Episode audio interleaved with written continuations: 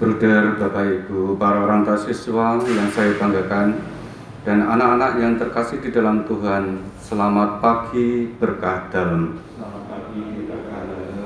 Mari kita awali seluruh aktivitas kita pada hari ini dengan berdoa dan mendengarkan sabda Tuhan. Kita siapkan Injil Lukas bab 19 ayat 11 sampai dengan 28. Buku doa pelajar halaman 32 Rabu ketiga. Hari ini gereja memperingati Santa Elizabeth dari Hungaria, seorang biarawati. Allah adalah kasih, marilah kita mewartakan kasih Allah. Dalam nama Bapa dan Putra dan Roh Kudus. Amin. Mari bernyanyi untuk menghormati wanita suci yang pantas dipuji. Hati berbakti, sungguh tahan uji, dan selalu mengabdi. Tak terkalahkan oleh jerat lawan, namun bertahan di tengah godaan, memperjuangkan kerajaan Tuhan dan persatuan. Berat tapanya, tekun dalam doa, siap sedia mengabdi sesama, di mana-mana menyumbangkan jasa dengan gembira. Dimuliakanlah Bapa yang Maha Murah, bersama Putra penebus dunia, Roh Kudus pula penghibur gereja untuk selama-lamanya. Amin. Marilah kita berdoa. Ya Allah, Bapa para yatim piatu, Santa Elizabeth melihat dan menghormati Kristus dalam diri kaum miskin. Semoga karena doanya, kami pun melayani orang-orang malang dan papa dengan cinta kasih sejati. Demi Yesus Kristus pengantara kami, yang hidup dan berkuasa bersama Engkau dalam persekutuan Roh Kudus sepanjang segala masa. Amin. Semoga Tuhan beserta kita. Inilah Injil Yesus Kristus menurut Santo Lukas. Mengapa uangku tidak kau berikan kepada orang yang menjalankan uang? Pada waktu Yesus sudah dekat Yerusalem, orang menyangka bahwa kerajaan Allah akan segera nampak. Maka Yesus berkata, "Ada seorang bangsawan berangkat ke negeri yang jauh untuk dinobatkan menjadi raja. Sesudah itu, ia ia baru ia akan kembali. Maka ia memanggil sepuluh orang hambanya dan memberi mereka sepuluh mina. Katanya, Pakailah ini untuk berdagang sampai aku kembali. Akan tetapi orang-orang sebangsanya membenci dia, lalu mengirimkan utusan menyusul dia untuk mengatakan, kami tidak mau orang ini menjadi raja atas kami. Dan terjadilah ketika ia kembali setelah dinobatkan menjadi raja, ia menyuruh memanggil hamba-hambanya yang telah diberinya uang itu untuk mengetahui berapa hasil dagang mereka masing-masing. Yang pertama datang kepada Tuhan, Tuhan, mina Tuhan yang satu itu telah menghasilkan sepuluh mina, katanya kepada hamba itu. Baik sekali perbuatanmu itu, hai hamba yang baik. Engkau telah setia dalam perkara kecil. Karena itu terimalah kekuasaan atas sepuluh kota.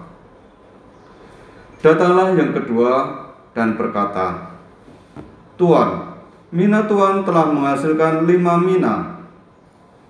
Katanya kepada orang kedua itu, dan engkau kuasailah lima kota. Dan hamba yang ketiga datang dan berkata, Tuan, inilah mina Tuhan. Aku telah menyimpannya dalam sapu tangan, sebab aku takut akan Tuhan, karena Tuhan adalah manusia yang keras. Tuhan mengambil apa yang tidak pernah Tuhan taruh, dan Tuhan menuai apa yang tidak Tuhan tabur. Kata bangsawan itu, Hai hamba yang jahat, aku akan menghakimi engkau menurut perkataanmu sendiri. Engkau sudah tahu, aku ini orang yang keras. Aku mengambil apa yang tidak pernah kutaruh dan menuai apa yang tidak kutabur. Jika demikian, mengapa uangku tidak kau berikan kepada orang yang menjalankan uang? Maka sekembaliku aku akan dapat mengambilnya serta dengan bunganya.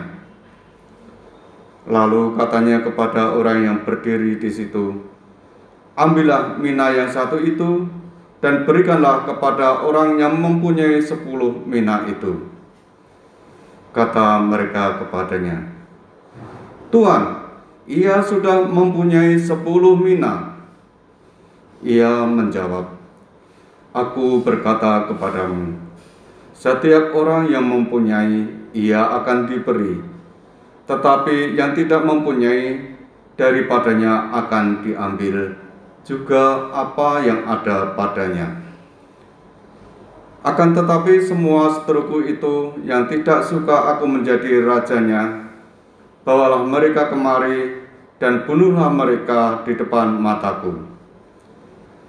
Setelah mengatakan semuanya itu, Yesus mendahului mereka meneruskan perjalanannya ke Yerusalem. Demikianlah sabda Tuhan. Berdoa Bapak Ibu dan anak-anak, di dalam Injil Yesus memberi perumpamaan tentang hamba yang diberi kepercayaan untuk mengembangkan mina. Setiap orang mendapat satu mina, ada yang berhasil mengembangkannya menjadi 10 mina, ada yang lima mina, tetapi ada juga yang tidak berbuat apa-apa. Kemudian Tuhan itu berkata, baik sekali perbuatan perbuatanmu itu, hai hamba yang baik. Engkau telah setia dalam perkara kecil, karena itu terimalah kekuasaan atas sepuluh kota. Dan orang kepada orang yang mengembangkan lima mina pun ia memberikan kekuasaan lima kota. Kesetiaan dan kepercayaan dalam hal-hal kecil akan menghasilkan tanggung jawab yang lebih besar. Maka marilah kita setia dalam perkara-perkara kecil.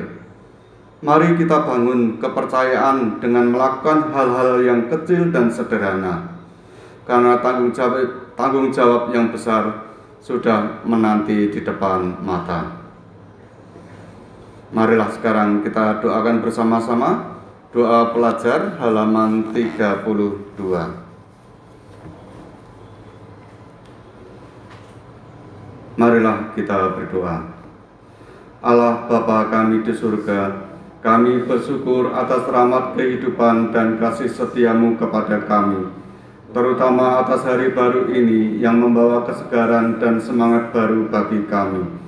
Berilah kami rahmat kesetiaanmu itu, agar kami mau belajar untuk setia pada tugas dan tanggung jawab kami setiap hari.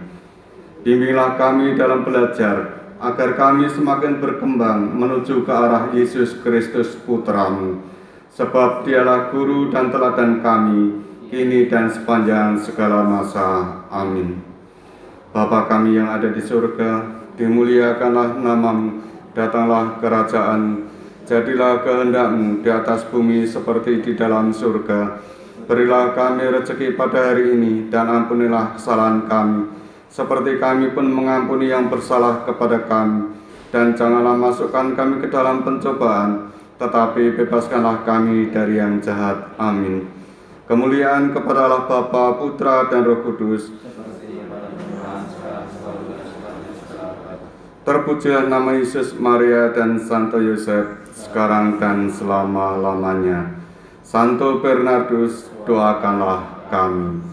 Dalam nama Bapa dan Putra dan Roh Kudus. Amin. Terima kasih atas kebersamaan dalam doa pagi hari ini. Selamat belajar, selamat bekerja, Tuhan memberkati.